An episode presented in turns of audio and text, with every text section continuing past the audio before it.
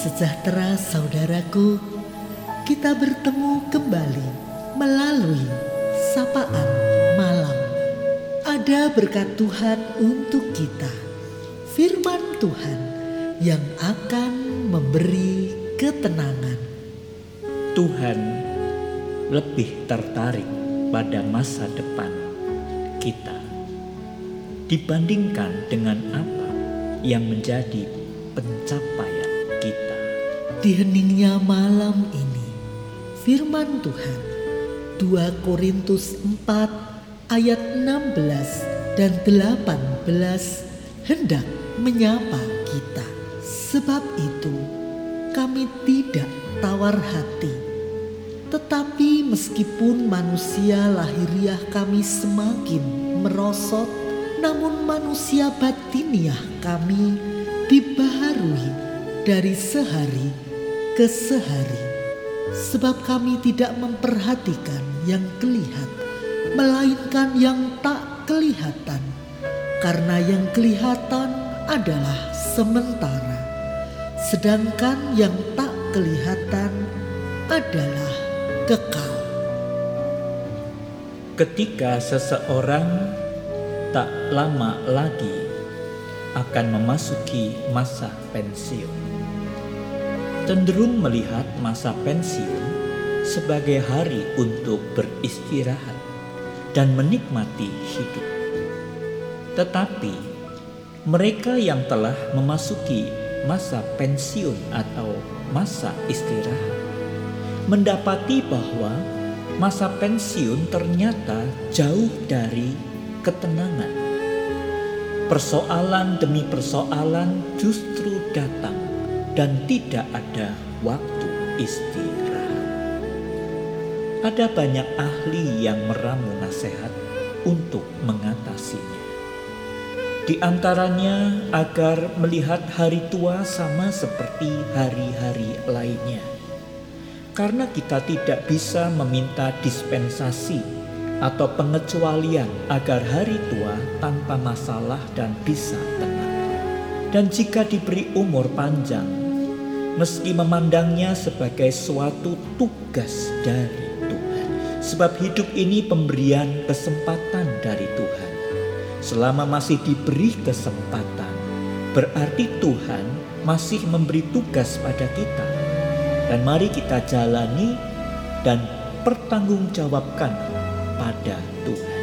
Rasul Paulus bersaksi saat mendekati akhir perjalanan hidupnya bahwa manusia lahir terus merosot, tak bisa ditolak. Semakin tambah usia, tubuh semakin lemah. Meski merosot, namun manusia batinnya diperbaharui dari hari ke sehari melalui sikap menerima kenyataan yang ada, menerima keterbatasan, juga menerima perubahan di mana mungkin saja orang yang memperhatikan semakin berkurang dan seterusnya. Mereka, anak-anak atau saudara-saudara, saat ini bisa saja masing-masing memiliki kesibukan. Di tengah keadaan ini, yang penting adalah manusia batiniah terus diperbaharui. Saudara, marilah kita fokus pada manusia batiniah kita yang oleh karena pertolongan Allah tetap dikuatkan untuk beriman teguh dan semakin mengerti kehendak Tuhan di balik segala yang terjadi. Fokus dan dandani manusia batiniah kita. Caranya adalah ketika menghadapi suatu masalah, latihlah untuk tidak terpaku pada masalah atau misalnya ada sakit, janganlah terpaku kepada sakit yang dialami yang sifatnya hanya sementara. Lihatlah ke depan. Demikian Paulus mengatakannya bukan sekedar bermanis mulut menghibur jemaat Korintus, melainkan dari pengalaman imannya sendiri bahwa kekuatan batin itu dimiliki Paulus karena ia tidak terpana pada apa yang fana atau yang kelihatan, melainkan fokus pada apa yang kekal. kita dapat melatih tubuh rohani kita untuk terus diperbaharui dari hari ke sehari, sehingga tetap segar, bersuka cita, berpengharapan di dalam Tuhan. Saudara, orang yang setia tetap bertahan ketika orang lain memilih untuk menyerah. Dia mampu tetap gigih bertahan. Karena apa?